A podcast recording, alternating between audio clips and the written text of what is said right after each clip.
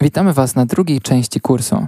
John Paul właśnie zakończył część pierwszą. Mówił o tym, w jaki sposób Bóg wykorzystuje niesprawiedliwość ku dobremu. Wysłuchaj teraz tej części, w której John Paul odnosi się do światowego zrozumienia snów oraz ich znaczenia. W świecie psychoterapii uważa się, że sny odnoszą się tylko do tej części życia człowieka, która w jakiś sposób nie jest w jego życiu rozwiązana. Uważa się, że sny mówią o rzeczach, z którymi osoba śniąca musi sobie w swoim życiu poradzić. Sny mogą również dotyczyć rzeczy, co do których dana osoba nie chce się przyznać. Psychoanalityk uważa, że sny pokazują danej osobie rzeczy o jej życiu, których ta nie jest świadoma. Uważa się, że sny pokazują nasze najgłębsze pragnienia, nasze lęki oraz tęsknoty. Mogą również ukazywać nasze ambicje. Mówi się, że dzięki snom jesteś w stanie połączyć się ze swoim wewnętrznym dzieckiem, albo damską lub męską stroną swojej osobowości.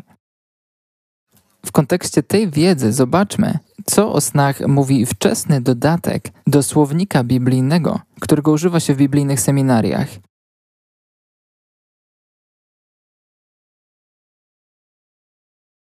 Zobaczcie, co było napisane w nowym międzynarodowym słowniku biblijnym. Choć trzeba im przyznać, że usunięto ten fragment w najnowszej reedycji. Zaakceptowanie faktu, możliwości przyjęcia prawdy lub wiedzy na podstawie zewnętrznego bodźca, takiego jak sen czy wizja, świadczy o zaburzeniach psychotycznych lub nerwicy. Czytając coś takiego, człowiek aż chce, żeby coś mu się przyśniło. Bardzo to zachęca do tego, żeby dzielić się swoimi snami z pastorem. Przecież każdy chce, żeby jego pastor miał go za człowieka znerwicowanego albo z zaburzeniami psychotycznymi. Musiałem się z tym zmierzyć 30 lat temu, gdy zaczęliśmy tę służbę. Słyszałem, że mam zaburzenia psychotyczne. Ludzie mówili, ale szkoda, on miał taki potencjał. Gdy przyjrzysz się jednak historii pierwszego kościoła, zobaczysz, że jest ona pełna snów oraz wizji. Nie było momentu, w którym przestano traktować sny poważnie. Polikarp, czyli uczeń apostoła Jana, narodzony w 69 roku, miał sen, który przypowiedział mu rodzaj jego śmierci, jej miejsce oraz jej dzień. Powiedział on o tym swoim uczniom. Sen wypełnił się z dokładnością co do dnia. Polikarp powiedział, dzięki wizjom wielu przyszło do Pana Jezusa. Dzisiaj również, zwłaszcza w społeczności muzułmańskiej, spotkasz bardzo wielu ludzi, którzy nawrócili się z wiary muzułmańskiej i uwierzyli, że Jezus Chrystus jest ich Zbawicielem w wyniku ponadnaturalnego spotkania z Nim w swoim śnie. Kultura wschodnia jest pełna wiary w znaczenie snów. To jest prawda. Wielu ludzi zaczyna wierzyć w Jezusa Chrystusa w wyniku snu albo wizji. Justyn Męczennik, urodzony w setnym roku naszej ery, teolog i chrześcijański apologeta, wierzył w to, że istnieją sny o pozytywnym wpływie. Wierzył, że są one w stanie pomóc człowiekowi osiągnąć jego przeznaczenie. Ireneusz z Lyonu, biskup z Gaul, uważał, że sny są jednym ze sposobów komunikacji z Bogiem. Tertulian z Kartaginy powiedział: Prawie że większość ludzkości zawdzięcza swoje poznanie Boga snom. Jest mnóstwo świadectw ludzi wywodzących się ze społeczności muzułmańskich czy hinduistycznych, którzy przychodzili do wiary w Jezusa Chrystusa poprzez sny lub wizje. Tertulian podzielił sny na trzy kategorie. Pierwszą kategorią są sny zainspirowane przez demony. Drugą stanowią sny duszewne. O trzeciej kategorii zaś powiedział tak: te wizje, które są święte, prorocze, budujące, zachęcające do trwania w cnotach, muszą mieć swoje pochodzenie w Bogu. A więc ta analiza bezpośrednio sprzeciwia się wnioskom psychoanalityków. Według nich to moja dusza sama informuje mnie o tym, co ze mną jest nie tak. Kłóci się to z moim zrozumieniem, w którym to Bóg daje mi sen, który mnie poucza. Dalej Tertulian kontynuował. Bóg obiecał nam wylanie swojej łaski, łaski Ducha Świętego. Odnosił się do fragmentu wyleje swojego ducha na wszelkie ciało. Odnosi się więc bezpośrednio do dnia pięćdziesiątnicy, do dnia, w którym Duch Święty został wylany. Połączył on fakt wylania Ducha Świętego ze zwiększoną częstotliwością snów oraz wizji. Czytając to, zadaję sobie to pytanie, które zadawałem sobie wczoraj. Co stało się z Kościołem? Bóg powiedział, że wyleje swego ducha i owocem tego będą sny, wizje oraz służba prorocza. Z jakiego powodu więc Kościół obrócił się przeciwko temu? Są oczywiście ku temu powody. Po pierwsze, my, jako ludzie z obdarowaniem proroczym, narobiliśmy sporo namieszania. W naszej usłudze wychodziły nasze braki w charakterze. Kościół nie wiedział, co zrobić z ewidentnymi darami niektórych ludzi, którzy jednocześnie mieli ogromne braki w charakterze. W praktyce mogło to wyglądać tak. Czy to możliwe, że jego słowa pochodzą od Boga? Przecież spójrz na jego małżeństwo. Oni ze swoją żoną się nienawidzą. On nie dba o swoją rodzinę, nie zapewnia im bytu. Kościół, widząc braki w charakterze osoby usługującej darem proroczym, zaczął podważać prawdziwość tego daru. Aby głos proroczy, przez który Bóg chce przynieść objawienie do Kościoła, miał pełny wpływ na społeczność, trzy rzeczy muszą być wzięte pod uwagę i muszą osiągnąć stan dojrzałości. Po pierwsze, mamy kwestię tego, w jaki sposób dar funkcjonuje w społeczności. Po drugie, mamy jeszcze kwestię charakteru. Po trzecie, pozostaje nam kwestia wielkości samego daru. Origen, urodzony w 185 roku, powiedział: Kwestią wiary jest to, że w snach wrażenia zostały wniesione do wielu umysłów. Niektóre z nich odnoszą się do rzeczy niebiańskich, inne do przyszłych wydarzeń w tym życiu. Ich przekaz może być jasny i zrozumiały lub symboliczny. Origen zauważył, że w snach niektóre rzeczy są jasne, a niektóre mają charakter symboliczny. Dzisiaj określilibyśmy to tak. Niektóre rzeczy w swoim charakterze bardziej przypominają wizję, a niektóre sen. Dionizos z Aleksandrii powiedział tak. Zostałem wzmocniony wizją, która została posłana do mnie przez Boga. W tej wizji usłyszałem, co mam czynić. Święty Augustyn, urodzony 354 roku, był jedną z najbardziej wpływowych postaci w historii Kościoła. Według niego sny były sposobem, w jaki Bóg komunikuje się z ludzkością.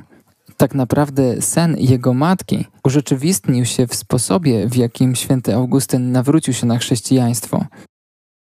W którymś momencie Augustyn nie był pewny tego, co myśleć na temat snów, ale w późniejszym okresie swojego życia powrócił do przekonania ze swojej młodości, którym było przekonanie o wielkiej wadze snów. Synezjusz z Cyreny napisał dzieło De Insomnis, czyli bezsenność. Jest to książka, która do dzisiaj jest autorytetem dla greckiego ortodoksyjnego kościoła. Hieronim z Strydonu, urodzony w 340 roku, przetłumaczył Biblię na łacinę. Znana jest ona jako Vulgata. Nawrócił się do Chrystusa w wyniku snu. Tomasz Zakwinu, niezwykle wpływowy teolog, uważał, że sny mogą pochodzić od Boga, że są przynoszone przez anioły. Uważał również, że mogą mieć pochodzenie demoniczne. Napisał dzieło Suma Teologiczna. Odnosi się on w niej do swoich snów oraz do wizji. Jedną z wizji przeżył w czasie pracy nad Sumą Teologiczną. W wyniku tej wizji napisał kolejne dzieło, które składało się z 21 tomów. Powstało 21 tomów dzieła w wyniku jednego snu. Po skończeniu tego dzieła miał kolejną wizję. Po tej wizji powiedział: Duch objawił mi, że wszystko, co do tej pory napisałem, wydaje się mieć niewielką wartość. Innymi słowy, powiedział tak: To, co teraz przeżyłem, jest jeszcze większe i wspanialsze niż to, co do tej pory opisałem. Nie mówił, nie czytajcie tego, co napisałem do tej pory. Powiedział po prostu: Widziałem coś jeszcze większego i wspanialszego, jednak duchy zabronił mi o tym pisać. Bóg powiedział mi: Tylko tyle masz napisać. Zapisał 21 tomów, następnie doświadczył czegoś, a Bóg powiedział mu: OK, wystarczy, nie pisz już więcej. A więc musiał przeżyć coś jeszcze wspanialszego niż przeżył na samym początku. Mówi się, że po tym przeżyciu Tomasz Zakwiny odłożył swoje pióro na biurku i nigdy już niczego nie napisał.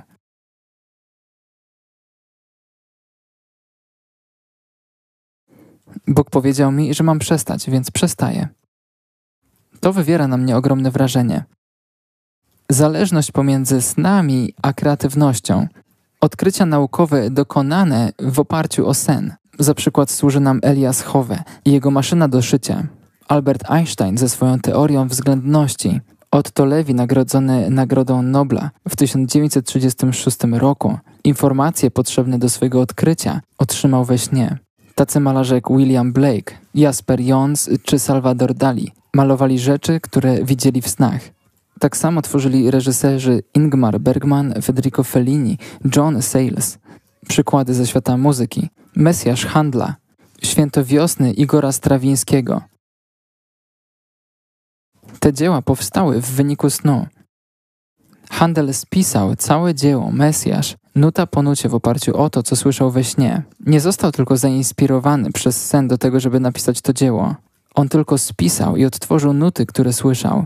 Spisał każdą ścieżkę muzyczną, którą usłyszał.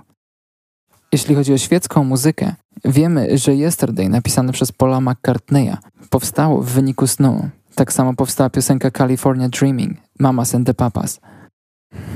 Wiele z tych odkryć czy dzieł powstało w świeckim kontekście.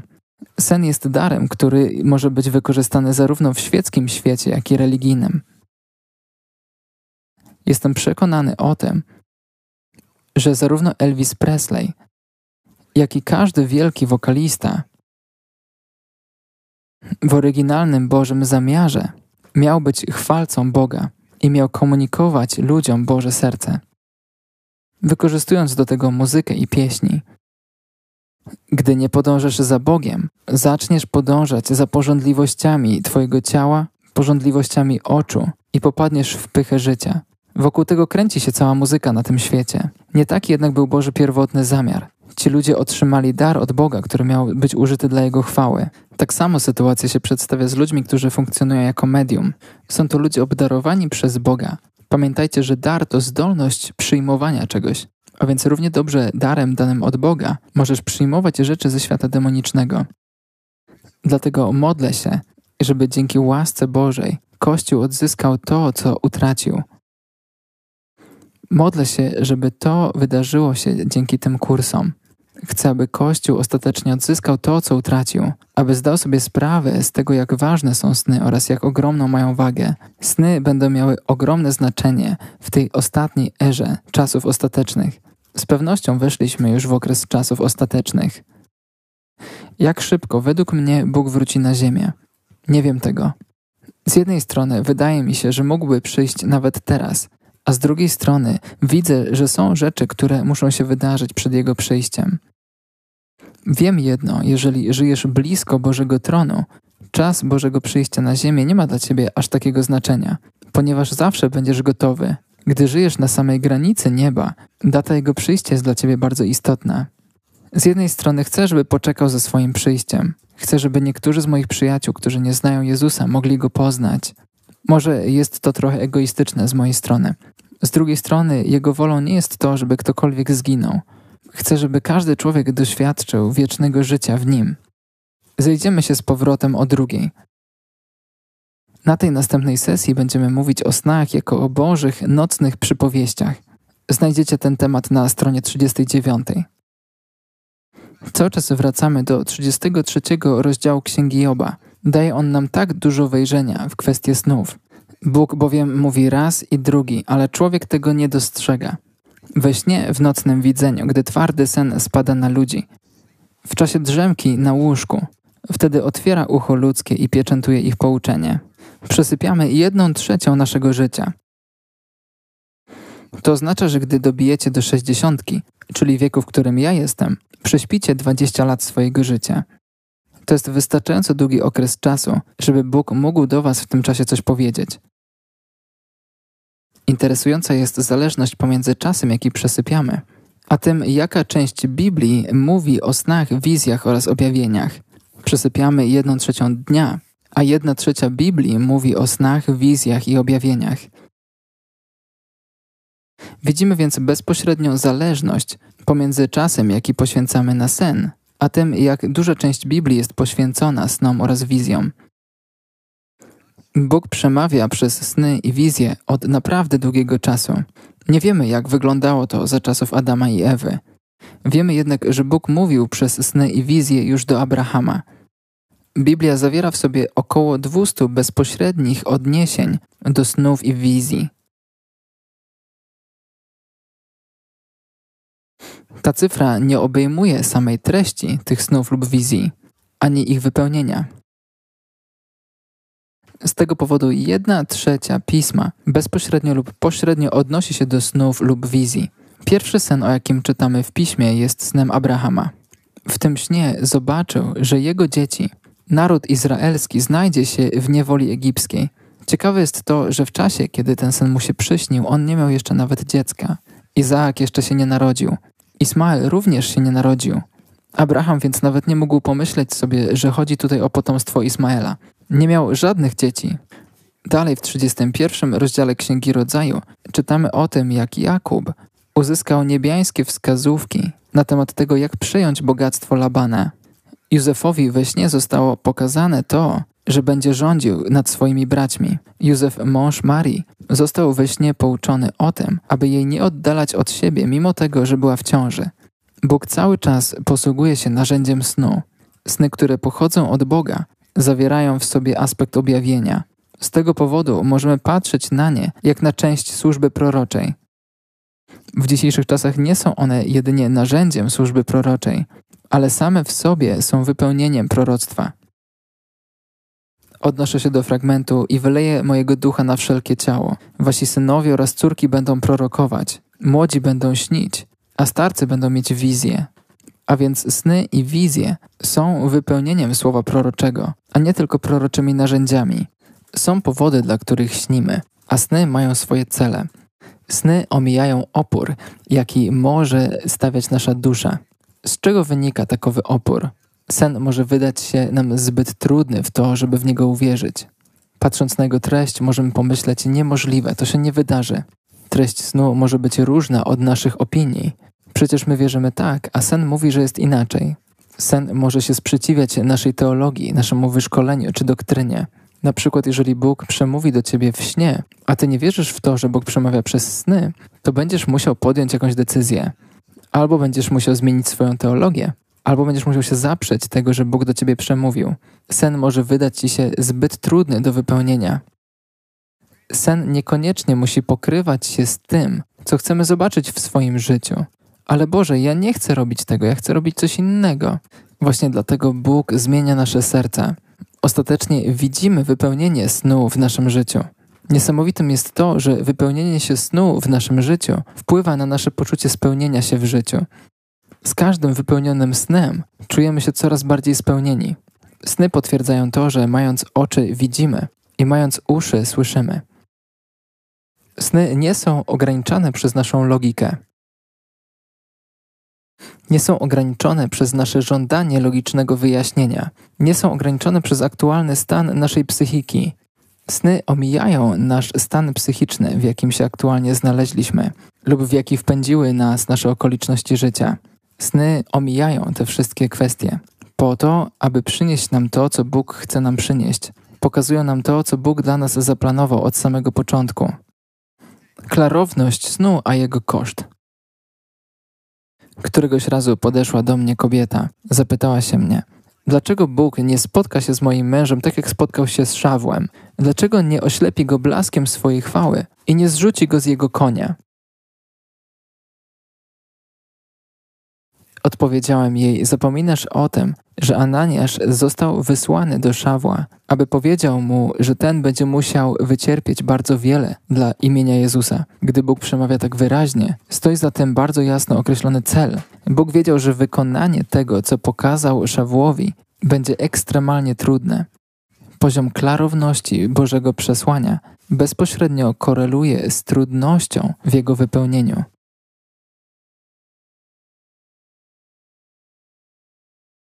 Z tego powodu metaforyczna natura snów jest dobra. Nauczyłem się akceptować to, że Bóg bywa zagadkowy. Gdy Bóg przemawia do mnie bardzo wyraźnie, myślę sobie o nie. To będzie trudne.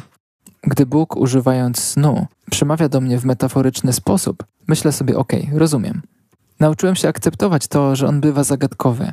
Bóg chce przemawiać zarówno do swojego ludu, jak i przez swój lud. Dlaczego trudności są wprost proporcjonalne do klarowności przesłania? Bóg w ten sposób utrzymuje swoją sprawiedliwość. Bóg jest zawsze całkowicie sprawiedliwy, nie ma w nim żadnej niesprawiedliwości. Z tego powodu, gdy wyraźnie do ciebie przemawia, musi przyzwolić na większy poziom trudności. W ten sposób zachowuje balans sprawiedliwości. Trudności są wprost proporcjonalne do klarowności przesłania. Jest jeszcze jeden powód, dla którego Bóg może przemówić do ciebie bardzo wyraźnie. Robi to, ponieważ wie, jak ciężko będzie. Wie, że znajdziesz się w sytuacji, w której powiesz mu: Ale Boże, przecież Ty mi to powiedziałeś. Przecież Ty kazałeś mi tutaj pójść. To Ty kazałeś mi to robić. Więc pomóż mi, bo tutaj nie chodzi o mnie, ale o Ciebie i o to, co Ty mi powiedziałeś. Dzięki jasnemu przesłaniu zawsze możesz wrócić do Boga i powiedzieć mu: Boże, nie jesteś kłamcą, nie jesteś człowiekiem, który kłamie. Dwukrotnie jako dziecko umarłem. Wtedy moja mama wołała do Boga i mówiła: Ty nie jesteś kłamcą, Boże. Mój syn jeszcze nie wypełnił w swoim życiu tego, co o nim powiedziałeś. Musisz z powrotem wysłać go na ziemię. Musisz teraz coś zrobić dla mojego dziecka. I on to zrobił. Dzięki temu, że Bóg przemówił do niej bardzo wyraźnie, ona mogła uchwycić się tego bardzo jasnego i klarownego słowa. Zapytasz, a co, jeżeli Bóg mówił do mnie tylko w metaforach? To oznacza, że nie będziesz przechodził przez aż tak trudne sytuacje. Pamiętaj, większa klarowność oznacza większy koszt i większe trudności. Mniejsza klarowność oznacza mniejsze trudności i mniejszy koszt do poniesienia. Księga Ozeasza, czwarty rozdział, od piątego wersetu do jedenastego. Bóg w tym fragmencie karci religijnych przywódców Izraela. Nie uczyli ludu prawa ani posłuszeństwa. Werset szósty. Mój lud ginie z braku poznania. A więc problem jest następujący. Jeżeli nie rozumiesz Bożych dróg i z tego powodu łamiesz prawa, które tymi drogami rządzą, nie czyni to ciebie usprawiedliwionym. Nie możesz powiedzieć, Boże, przecież ja nie wiedziałem. Wróg będzie starał się wykorzystać każdy moment Twojego nieposłuszeństwa wobec Bożych praw. Bóg jest Bogiem sprawiedliwości, Bóg jest Bogiem miłosierdzia. Pokazuje nam nasze problemy. Robi to, ponieważ chce wzbudzić w nas pokutę. Nie chce, żebyśmy musieli odpowiadać przed nadchodzącym sądem. Jeżeli nie jesteśmy jednak Bogu posłuszni i nie wykonujemy tego, co On nam polecił uczynić, czeka nas sąd. Czasem Boży Sąd jest bardzo destruktywny w skutkach.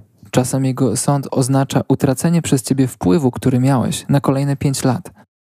Czasem twoje nieposłuszeństwo wobec snu lub wizji sprawi, że Bóg przez określony czas, przykład dwa lata, nie będzie do ciebie przemawiał w snach lub wizjach. Bóg nie da się z siebie naśmiewać. Znamy ten fragment. Wiemy, że jest napisane: Bóg nie da się z siebie naśmiewać. Wiemy, że jest napisane: Ten, który zasiewa w ciało, będzie zbierał to, co cielesne, a ten, co zasiewa w ducha, będzie zbierał to, co duchowe. Co robimy z tymi fragmentami? Zazwyczaj z tymi fragmentami nic nie robimy. Jeżeli chcesz rozumieć sny, jeżeli wyraźnie chcesz rozumieć zarówno swoje sny, jak i sny innych, bliskość z Bogiem jest warunkiem wstępnym. Bliskość z Bogiem jest warunkiem wstępnym. Innymi słowy, grzech oddziela nas od Boga. Grzech oddala nas od Niego. No dobrze, więc na czym polega problem? Po pierwsze, pokutuj. Pokutuj ze swojego grzechu. Pokutuj, gdy tylko będziesz widział tego potrzebę. Dawid cały czas pokutował.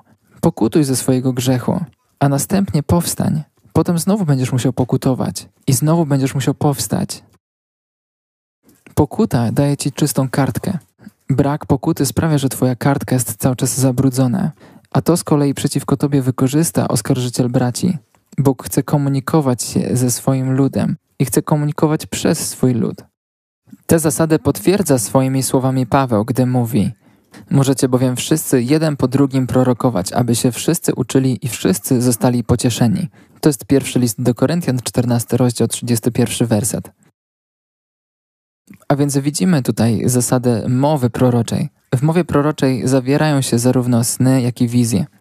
O tych rzeczach mówi drugi rozdział dziejów apostolskich oraz drugi rozdział Księgi Joela. Wszyscy możecie prorokować, ponieważ Bóg chce, aby jego lud osiągnął cel, do jakiego został stworzony. Chce tego zarówno w naszym życiu jako jednostek, jak i również dla nas jako społeczności. Bóg jest zdecydowany na to, żeby komunikować się ze swoim ludem. Sny są tylko jednym z wielu sposobów jego komunikacji. Jednocześnie oznacza to, że sny są Bożym sposobem komunikacji. Objawienie, które przychodzi od Boga do naszego życia, pokazuje nam, że jest On świadomy naszych okoliczności życia, że interesują Go Jego intymne szczegóły i jest aktywnie zaangażowany w to, co się w nim dzieje. Często ludzie pytali mnie, dlaczego Bogu miałoby na tym zależeć. Zależy mu, ponieważ On chce, żebyś wypełnił swoje powołanie. Jest napisane, że małe liski pustoszą winnice – nam natomiast wydaje się, że małe rzeczy, szczegóły nie są aż tak istotne. Uczyliśmy się na sztuce słuchania Boga, że to właśnie te małe, prywatne zwycięstwa, tworzą fundamenty wobec publicznych zwycięstw, wobec zwycięstw, które zauważą inni ludzie. Wspomnieliśmy wcześniej o freudowskiej i jungowskiej psychologii snów. Ten podrozdział nazywa się Niewłaściwe metody interpretacji snów.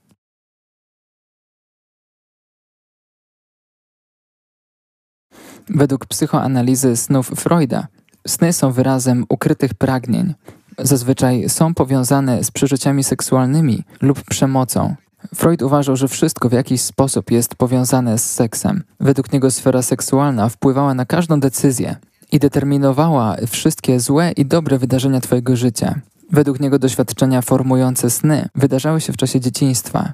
Nie są one akceptowane poprzez świadomy umysł, dlatego poruszają się w podświadomej przestrzeni snów. Przełóżmy to na przykład. W jaki sposób Freud zinterpretowałby sen Nebukadnezara? Chodzi mi o sen ze ścinaniem drzewa. Freud powiedziałby, że drzewo w tym śnie jest symbolem fallicznym. Ścięcie tego drzewa oznacza, że zostałeś pozbawiony jakiejś części swojego męskiego charakteru.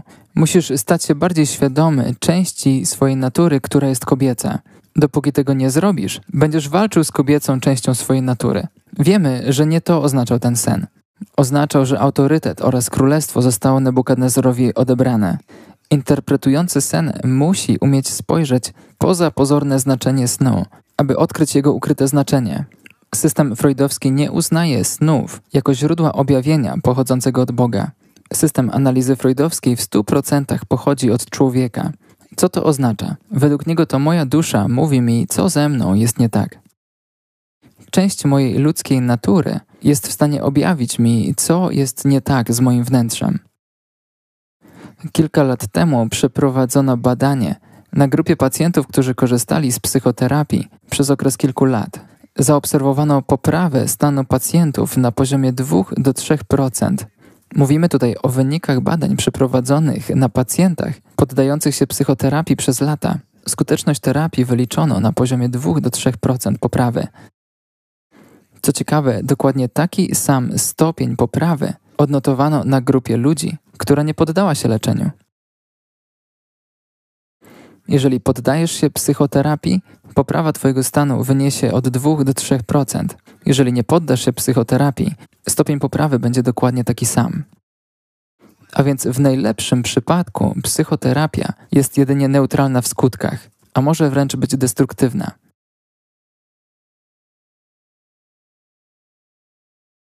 Nie wiem, czy czytaliście kiedyś coś, co zostało napisane przez Chestertona. On był naprawdę zabawny. Niesamowity intelektualista. Żył w czasach II wojny światowej. O psychoanalizie powiedział tak: Jest ona spowiedzią bez rozgrzeszenia. Jeżeli mieliście styczność z Kościołem katolickim, to wiecie, co to oznacza. Oznacza to, że psychoanaliza nie przynosi ulgi. Nie uwalnia ciebie od tego, przez co przeszedłeś. Karl Jung był uczniem Freuda. Metoda Junga przeniknęła do pewnych sfer Kościoła. Tak naprawdę uważam, że przeniknęła do wszystkich sfer Kościoła. Oczywiście mówię o kręgach, które w jakimkolwiek stopniu zajmują się interpretowaniem snów. Stwierdzono, że Jung zrobił więcej niż jakikolwiek inny psycholog, aby uczynić elementy okultyzmu akceptowalnymi dla ludzi bez rozeznania duchowego. W swojej autobiografii Wspomnienia, sny, myśli Jung ujawnił, że był pod wpływem okultyzmu i był przez niego dręczony. Jego matka już w młodym wieku namawiała go do kontaktu z ciemnością. Gdy miał około czterech lat, miał sen, który prześladował go do końca życia. W tym śnie znalazł się pod ziemią i stanął przed ohydną, plugawą postacią lub wizerunkiem na tronie. Nazywał tę postać postacią poniżej Boga.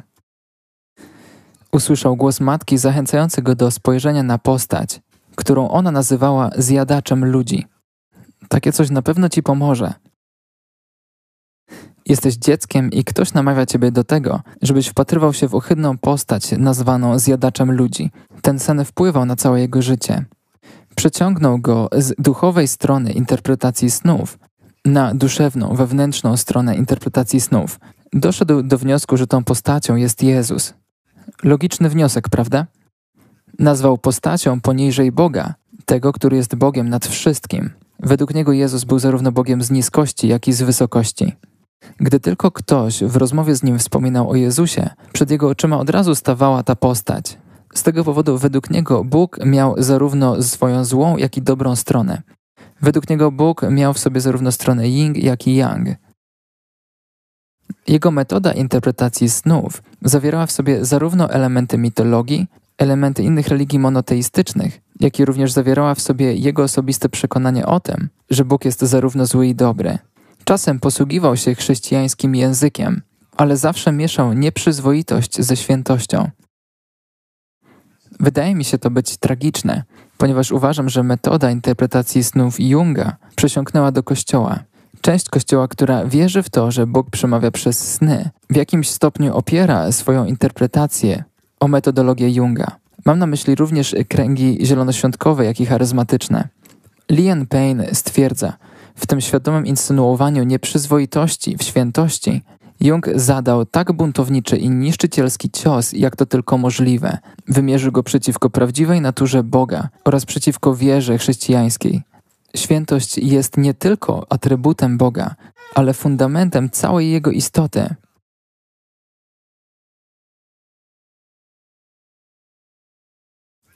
Jung jednak tego nie widział. Cała sprawa była dla niego kwestią człowieka, a nie Boga. Sny są bardzo symboliczne.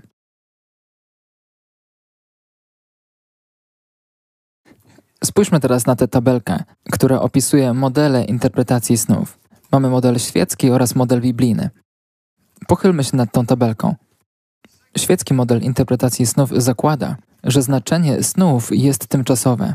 Innymi słowy, jeżeli zabiorę się za problemy, które zostały mi w śnie pokazane przez moją duszę, nie będzie mi już się ta sprawa śnić. Przyśni mi się coś innego.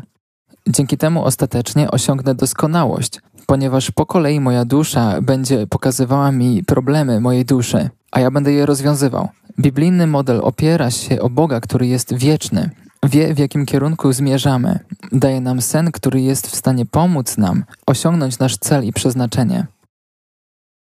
Nasz cel i przeznaczenie ostatecznie wpływa na to, jak kształtuje się wieczność. Co mam przez to na myśli? Ja oddaję moje życie Panu. Pokonuję trudności, które stają na mojej drodze. Osiągam to, do czego Bóg mnie powołał. Z kolei to wpływa na kolejną osobę. Pomaga jej przejść nad jej trudnościami i ostatecznie pozwala jej osiągnąć cel i przeznaczenie. Ten schemat się powiela, przechodzi z osoby na osobę. Tak rozwija się Boże Królestwo. Tak wygląda rozwój wieczności, który Bóg zaplanował od samego początku. W świeckim zrozumieniu sny mają tymczasowe znaczenie. Gdy problem zostaje rozwiązany, sen przestaje mieć znaczenie. Nawet rozwiązanie problemu nie wpływa na wieczność. Gdy umierasz, znajdujesz się w jakimś stanie nirwany. Być może stajesz się częścią energii całego kosmosu. W świeckim modelu uważa się, że sny pochodzą z naszego wnętrza. W biblijnym modelu wierzymy, że sny mają swoje źródło w Bogu. Innymi słowy, mają źródło zewnętrzne. Świecki model zakłada, że to Twoja dusza daje Ci Twój sen. W świeckiej społeczności uważa się, że to dusza napędza sny. W biblijnym modelu uważa się, że to duch napędza nasze sny. Nasza dusza, czyli umysł, wola oraz emocje, wpada na to, co jest z nami nie tak i objawia to nam. W modelu Bożym wiemy, że to duch objawia wszystkie rzeczy. Przedstawia głębokości Boże głębokością człowieka. Co mówi pierwszy list do Koryntian, drugi rozdział od 10 do 14 wersetu. Duch bowiem bada wszystko, nawet głębokości Boga. Bo kto z ludzi wie, co jest w człowieku, oprócz ducha ludzkiego, który w nim jest? Tak samo i tego, co jest w Bogu, nikt nie zna oprócz ducha Bożego. Wszelkie objawienie pochodzi od Ducha Świętego. Może on nam je przekazać przez anioła, może przekazać je przez sen, może przekazać je przez wizję, może przekazać je przez określoną liczbę samochodów, które widzisz. Objawienie dawane jest przez Ducha Bożego. Jeżeli coś jest nam przekazywane przez Ducha Bożego, z natury jest duchowe, a nie duszewne. Powiedzcie, czy mówię za szybko, czy nie. Świecki model z natury jest introspektywny. Mówi, jeżeli zajrzymy w nasze wnętrze, wtedy wszystko nam się w głowie ułoży.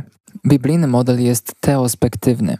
Innymi słowy, nie ma znaczenia to, co ty myślisz o sobie, ale to, co Bóg myśli o tobie. Dlaczego? Ponieważ On, będąc wszechwiedzącym, prawdopodobnie wie coś, o czym ty nie wiesz. Świecki model zakłada, że sen mówi nam o tym, co dzieje się w naszym życiu teraz. Z kolei biblijny model pokazuje nam, że sny dotyczą naszej teraźniejszości oraz naszej przyszłości. Pozwólcie mi się cofnąć. Powiem Wam, co to oznacza. Pewne rzeczy w tych modelach leżą bardzo blisko siebie. Jeżeli nie będziemy uważni, to pomieszamy je ze sobą. Na przykład społeczność świecka uważa, że Twoja dusza może objawić Ci to, co musi się zmienić w Tobie. Czy to oznacza, że nie ma rzeczy, które w Tobie mają ulec zmianie, patrząc na sytuację z duchowej perspektywy? Tak, są rzeczy, które mają się w Tobie zmienić. Bóg będzie Ci o nich mówił. Pomiędzy drzewem ducha a drzewem wiedzy jest bardzo cienka linia i granica, którą trudno jest dostrzec. Wracamy teraz do ogrodu Eden. Pozwólcie, że powiem Wam, na czym polega problem. Jeżeli zgadzasz się z tym, że to Twoja dusza mówi Ci, co z Tobą jest nie tak, jeżeli miałeś taki sen, interpretujesz go, masz wystarczająco siły w sobie, żeby coś z tym zrobić, żeby zmienić samego siebie, to właśnie zjadłeś z owocu poznania dobra i zła, które ostatecznie prowadzi nas do innego Boga. Ono sprawia, że Ty możesz stać się jak Bóg. Bóg w śnie może pokazać Ci dokładnie tę samą sprawę. Na przykład świecki interpretator snów może powiedzieć Ci, masz problem z gniewem. Bóg też może Ci powiedzieć, masz problem z gniewem. Pokazuje Ci to we śnie. Chce uzdrowić to w Tobie. W pierwszej sytuacji Ty stajesz się swoim własnym Bogiem a w drugiej to Bóg staje się Twoim Bogiem. W świeckim modelu Ty mówisz, ja jestem swoim własnym zbawieniem, a w biblijnym modelu mówisz, Bóg jest moim zbawieniem. Zarówno Bóg, jak i świecki tłumacz snów jest w stanie powiedzieć Ci, co z Tobą jest nie tak. Bóg jednak poprowadzi Ciebie do siebie, a świecki tłumacz powie Ci, że Ty możesz stać się swoim własnym Bogiem. Są momenty, w których te modele są bardzo do siebie podobne, czasem są tak podobne, że można mylnie stwierdzić, iż niektóre z ich punktów są takie same. Świecki model interpretacji uważa, że sny mają pojedynczą interpretację. My z pisma wiemy, że sny potrafią mieć kilka znaczeń. Nie jest tak w każdym przypadku, ale sny mogą mieć więcej niż jedno znaczenie. Mogą mieć na przykład zastosowanie na dzień dzisiejszy, jednocześnie mogą nieść przesłanie dotyczące przyszłości. Dla przykładu, Daniel miał sen, który mówił o podziale królestwa na cztery części. Jeden z tych podziałów miał dużo wspólnego z Aleksandrem Wielkim. Po tym jak on powstał, królestwo Nebukadnezara zostało podzielone. Ostatecznie królestwo zostało podzielone na cztery części. Poza tym jednak ten sen odnosi się również do czasów ostatecznych. Interpretujemy go historycznie, ma on jednak również swoje przesłanie w kontekście czasów ostatecznych. Jezus powiedział: Powstanie wśród was wielu antychrystów. Każdy mały antychryst jest małym wypełnieniem się proroctwa o ostatnim antychryście. Czy ma to dla Was jakiś sens? A więc sny mogą właśnie tak wyglądać. Mogą mieć swoje zastosowanie dla dnia dzisiejszego, mogą mieć jeszcze większe zastosowanie dla dnia jutrzejszego i przyszłości. A więc my wierzymy w wielopoziomowość znaczeń, a oni nie. U podwalin świeckiego modelu leży założenie o tym, że człowiek jest w stanie sam siebie zmienić, nie tylko jest w stanie dowiedzieć się sam z siebie, co z nim jest nie tak, może również sam siebie zmienić. Biblia natomiast mówi, gdyby człowiek był w stanie sam siebie zmienić, Bóg nie musiałby posyłać swojego syna. Jesteś niezdolny do tego, żeby zmienić siebie samego. Dlatego Bóg posłał swojego syna, aby on zmienił ciebie. Świecki model napędza logika. Biblijny model jest napędzany przez intuicję. Oni szukają bardzo linearnych procesów. W jaki sposób to działa? W biblijnym świecie snów patrzysz na treść snu i myślisz sobie, to zupełnie nie ma sensu. Za jakiś czas będzie miało dla ciebie to sens, ale w tym momencie akurat nie ma. Na przykład, jak Józef wpadł na to, że trzy pełne chlebów koszy jedzone przez ptaki oznaczają ścięcie głowy za trzy dni. Logika nie ma dla takiego snu żadnej interpretacji patrząc na ten sen intuicyjnie, czy też duchowo, wiemy, że w tamtych czasach chleb nie miał w sobie żadnych konserwantów. Psuł się już po jednym dniu. Trzy chleby były wyjadane z jego głowy, a więc to oznaczało, że jego głowa też ostatecznie zniknie. Bardzo proste. W logicznym świecie taka interpretacja by nie przeszła. W intuicyjnym świecie jest ona jak najbardziej zrozumiała. Interpretacja w świeckim modelu skupia się na duszy człowieka, natomiast biblijna interpretacja snów jest z zasady teocentryczna. Oznacza to, że Bóg jest w centrum całego procesu interpretacji. Interpretujący sen wie, że nie może nagiąć Bożych zasad. W świeckim modelu to nasza dusza wyznacza zasady interpretacji. To doprowadza do sytuacji, w których to, co jest słuszne dla mnie, nie musi być słuszne dla ciebie, a to, co jest słuszne dla ciebie, nie musi być słuszne dla mnie. Dlatego ja determinuję to, co dla mnie jest dobre i słuszne. W drugim modelu to Bóg definiuje to, co jest słuszne i dobre. Tak, Rory? Punkt nad tym? Teocentryczny, tak. Czy coś ominąłem? Okej, okay, już rozumiem, pominąłem jedną linijkę. Świecki sposób interpretacji jest archetypowy. Oznacza to łączenie się ze swoją męską lub żeńską stroną duszy. Na przykład anioł jest interpretowany jako męska część duszy, która pragnie bycia przez ciebie bardziej odkrytą. My, patrząc na świat duchowy, mówimy: No tak, przyszedł do mnie anioł, złożył mi wizytę. Abraham nawet zapytał się aniołów, czy nie chcą czegoś zjeść. Interpretacja archetypowa nie patrzy na duchowe postacie jako na duchowe postacie. Interpretuje je jako części Twojej duszy, które mówią Ci, kim i jakim musisz się stać. Czy ma to dla Was sens? Wiem, że jeszcze nie przeszliśmy przez większość materiału. Jeszcze dwie trzecie podręcznika przed nami. Sny są bardzo symboliczne. Mówiliśmy o tym już wcześniej.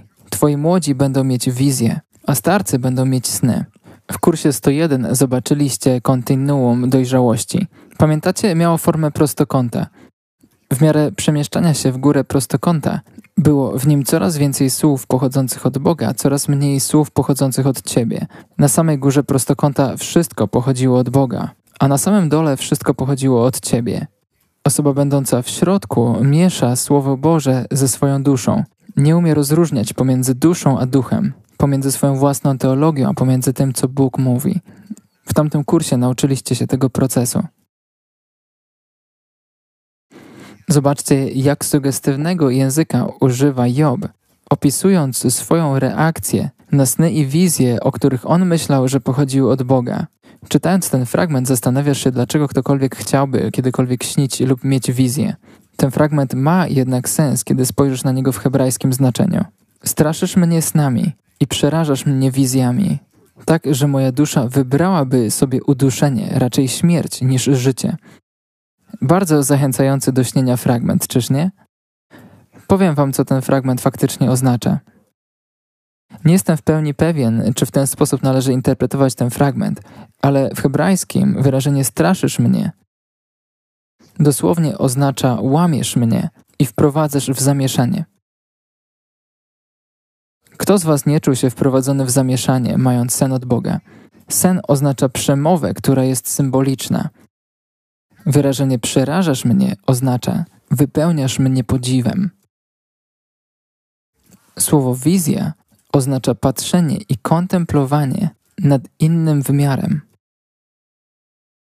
Innymi słowy, on mówi tak: Gdy przeżywam sny i wizje, Czuję się tak, jakby całe moje człowieczeństwo gdzieś się rozsypało. Czuję się jak trawa, która jednego dnia jest, a drugiego usycha. Nie mogę równać się z Tobą, Boże.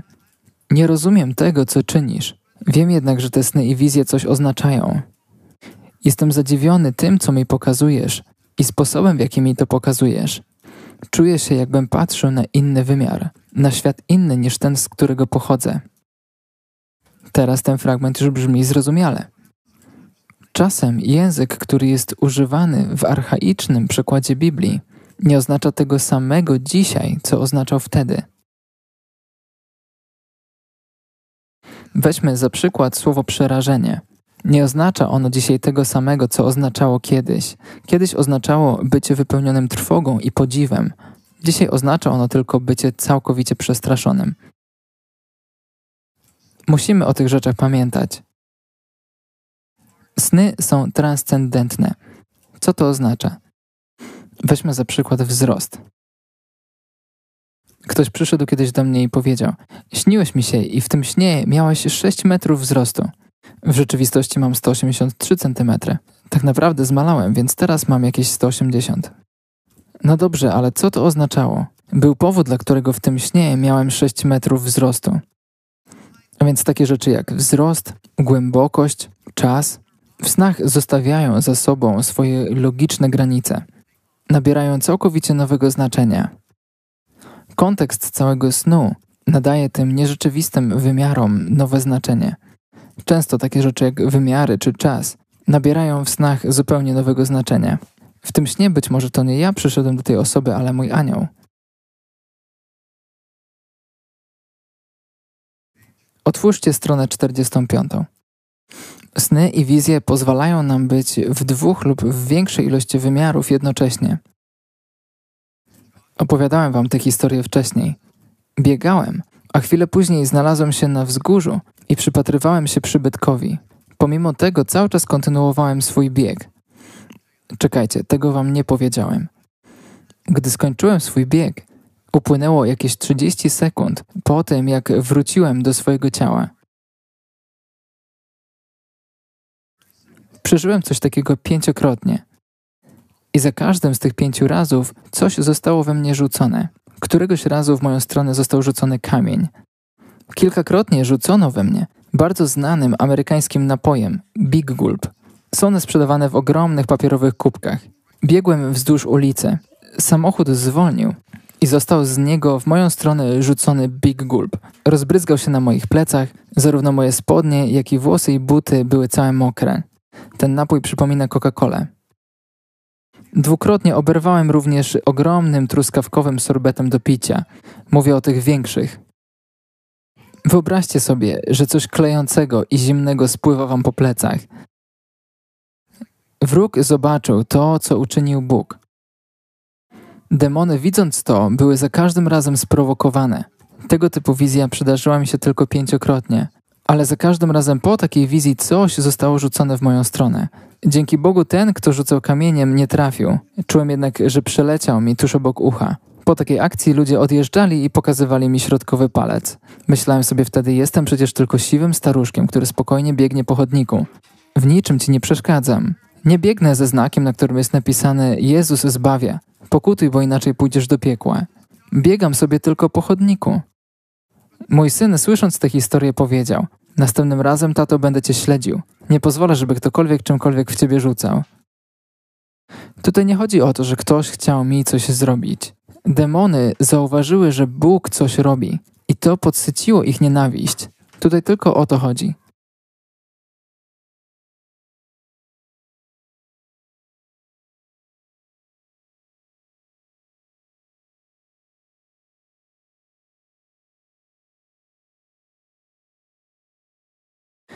Któregoś razu, zanim otrzymałem pewną wizję, czułem, że wróg naprawdę mnie atakuje. Budził mnie. Czułem, że duchowa atmosfera była pobudzona. Część mnie myślała sobie, czy zrobiłem coś nie tak, zanim położyłem się spać? Nagle okazywało się, że Bóg przychodził do mnie z wizją. Widziałem, że wtedy wróg się wycofywał. Zastanawiam się, o co chodzi w czymś takim. Czasem wróg widzi to, co Bóg chce uczynić. Wróg nie zna przyszłości, ale na przykład widzi, że Boże wojska się zbierają. Próbuje więc wtedy im przeszkodzić. Wróg zawsze próbuje przeszkodzić temu, co Bóg chce uczynić. A więc to miało miejsce w Twoim przypadku. W moim przypadku nie wiem, dlaczego nie zostałem zaatakowany wcześniej. Może dlatego, że biegam bardzo wcześnie, o 5 rano. Może w momencie, w którym wróciłem z powrotem, ludzie już wybierali się do pracy. Wiem jedno, gdy Bóg czyni coś niecodziennego, możesz spodziewać się niecodziennego kontrataku. Kiedyś mnie to bardzo zniechęcało. Dzisiaj mnie to zachęca. Myślę sobie, tak, to jest dobre. Szatan przejmuje się tym, że tutaj jestem. To mi się podoba. To naprawdę mi się podoba. Sny pozwalają nam być zarówno w przeszłości, jak i teraźniejszości i przyszłości jednocześnie. Nawet już będąc w śnie, możemy opuścić miejsce, w którym jesteśmy i momentalnie zmienić naszą lokację. Opowiem Wam sen, który w bardzo mocny sposób pokazał mi, że mam opuścić świat biznesu i rozpocząć służbę. Leciałem samolotem wraz z moim szefem. Nagle on zaczął zakładać na siebie spadochron. Spojrzałem na niego i zapytałem się go, co ty robisz? Odpowiedział, no, zakładam spadochron. Dlaczego? Ponieważ ja stąd spadam. Zapytałem w takim razie, co radzisz, żebym ja zrobił? Przecież jesteś moim szefem. Radzę ci, żebyś też założył spadochron. Ale ja nie mam pojęcia, jak używać spadochronu. On stał już przy otwartych drzwiach, odwrócił się do mnie i powiedział: Co masz na myśli? Nie wiem, jak używać spadochronu. Zobacz, to jest proste, wygląda to tak. I już go nie było. Spojrzałem na niego i poczułem, że ktoś chce mnie wypchnąć z samolotu. Prawie z niego wypadłem. Nie wiem w jaki sposób, ale jakoś spadochron znalazł się na moich plecach. Nie chciałem jednak skoczyć, dlatego zaparłem się od drzwi. Znowu poczułem, że ktoś mnie wypycha. Nie byłem w stanie dojrzeć, kto to robi. Zagroziłem jednak tej osobie i powiedziałem: Jeżeli chcesz dobrze skończyć, to przestań mnie popychać. Zostałem wtedy popchnięty jeszcze mocniej. Zaparłem się obiema rękami i nogami.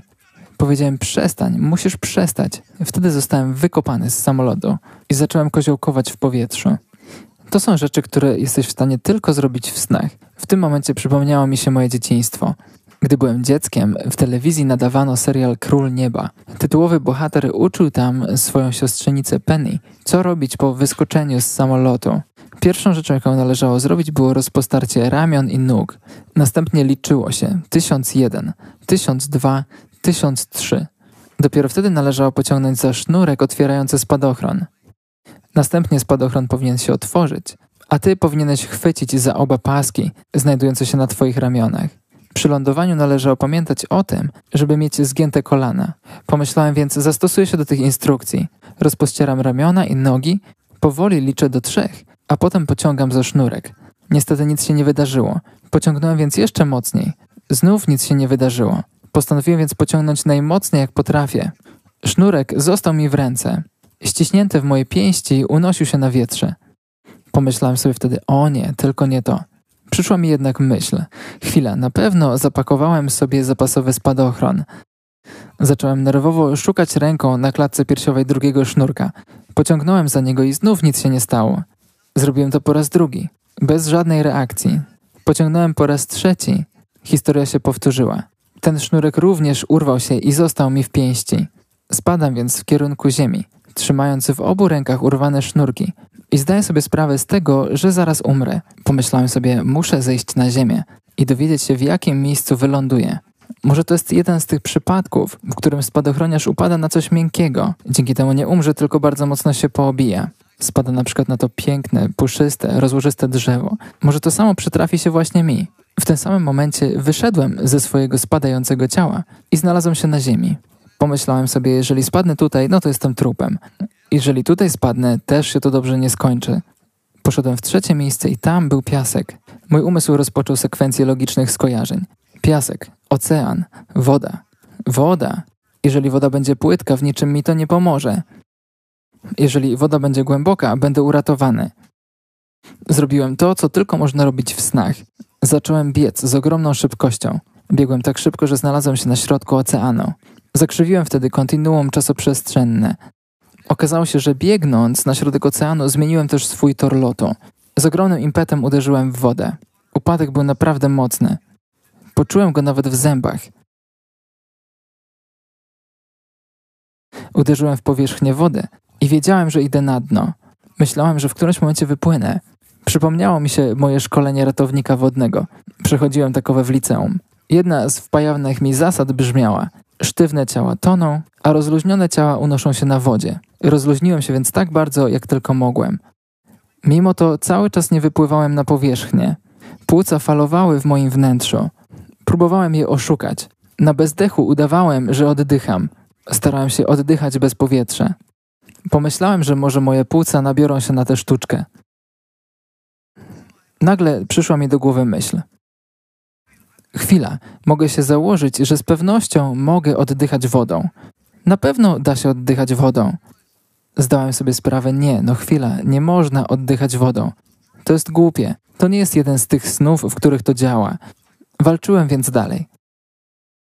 Pomyślałem, że to już jest koniec. Na pewno umrę. Nie jestem w stanie już dłużej wytrzymać na bezdechu. Zdecydowałem się poddać. W momencie, w którym zdecydowałem się wziąć oddech, wypłynąłem na powierzchnię.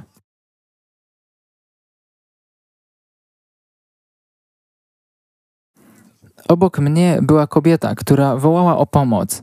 Topiła się, a następnie wypływała na powierzchnię, w międzyczasie wołając pomocy. Nie potrafię pływać, niech ktoś mi pomoże. Widząc to, pomyślałem, to nie jest mój szczęśliwy dzień. Wypchnięto mnie z samolotu, prawie że wylądowałem na twardej ziemi. Niemalże nie utonąłem, a teraz muszę jeszcze kogoś ratować? No dobra. Podpłynąłem do niej i chwyciłem ją pod brodę.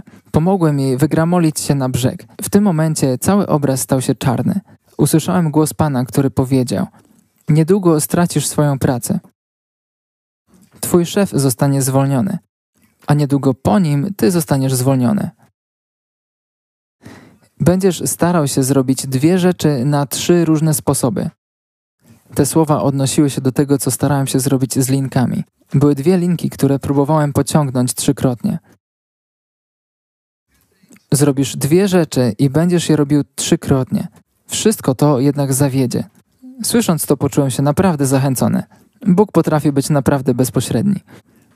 Mówił, te rzeczy zawiodą. Następnie uderzysz w powierzchnię wody. Ja zabiorę ciebie na głębinę. W tej głębinie stracisz to, kim jesteś. Gdy ja z powrotem wyciągnę ciebie na powierzchnię, gdy będziesz zdesperowany, aby ratować swoje życie, zobaczysz, że to ja ciebie uratowałem. Po tym, jak wyciągnę cię na powierzchnię, wyposażę ciebie tak, abyś mógł ratować tych, którzy giną. Będziesz dbał o tych, którzy umierają. Trzy dni później, po tym śnie, mój szef został zwolniony. Kilka dni po jego zwolnieniu, ja zostałem zwolniony. Oczyścili firmę ze wszystkich osób, które kojarzyły im się z moim szefem. Gdy to się wydarzyło, zacząłem gromić szatana. Mówiłem, szatanie, gromię ciebie w imieniu Jezusa. To się nie wydarzy. Właśnie dostałem awans. Jestem synem Bożym. Modliłem się, jestem głową, a nie ogonem. Żadna broń ukuta przeciwko mnie nic nie wskóra.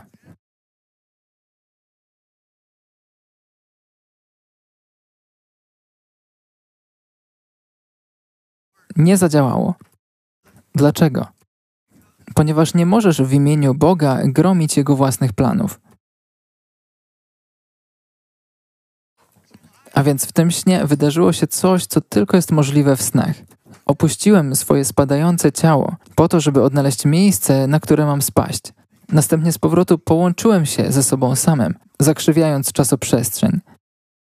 Takie rzeczy dzieją się tylko w snach, ale pozwalają ci zrozumieć to, co się dzieje i to, co Bóg chce ci przekazać. Dlaczego szukałem głębokiej wody? Ponieważ zdałem sobie sprawę z tego, że tylko ona jest w stanie mnie uratować.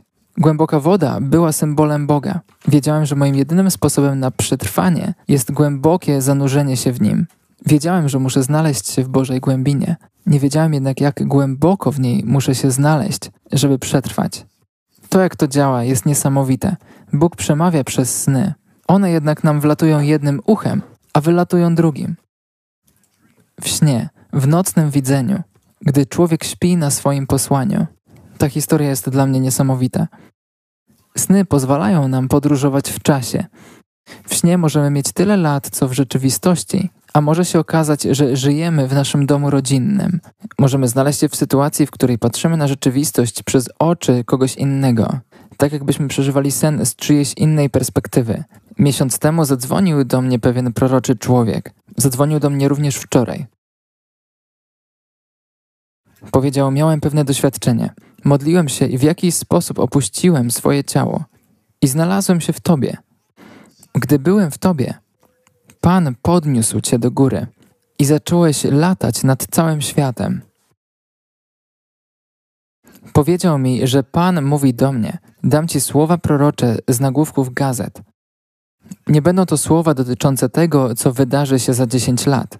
Będę dawał Ci słowa dzisiaj, a one wypełnią się na następny dzień. Powiedział mi: Latałeś nad całymi Stanami Zjednoczonymi, a Pan mówił do ciebie: Zwróć uwagę na to, ponieważ za chwilę to się wydarzy. Zwróć uwagę na to, ponieważ to też za chwilę się wydarzy. Zwróć uwagę na to, pokażę ci, kiedy to się wydarzy. Dam ci słowa prorocze przepowiadające wydarzenia na nagłówkach gazet. Zapytał się mnie: Widziałem to wszystko z twojego wnętrza. Czy to nie jest trochę dziwne? Odpowiedziałem nie, szkoda tylko, że nie było mnie z tobą. Sny pozwalają ci znaleźć się w miejscu, w którym normalnie nie mógłbyś się znaleźć. Dlaczego Bóg umieścił go w moim wnętrzu? Ponieważ On chciał, żeby On rozumiał, przez co ja przechodzę. Pan pozwoli ci czasem patrzeć na rzeczywistość z perspektywy innej osoby. Będziesz patrzył na rzeczywistość z wnętrza kogoś innego. Dzięki temu będziesz w stanie uzyskać najgłębsze zrozumienie tego, w jakiej sytuacji znajduje się ta osoba. Takie doświadczenie zazwyczaj wzbudza w tobie miłość i współczucie do osoby, z której perspektywy patrzyłeś.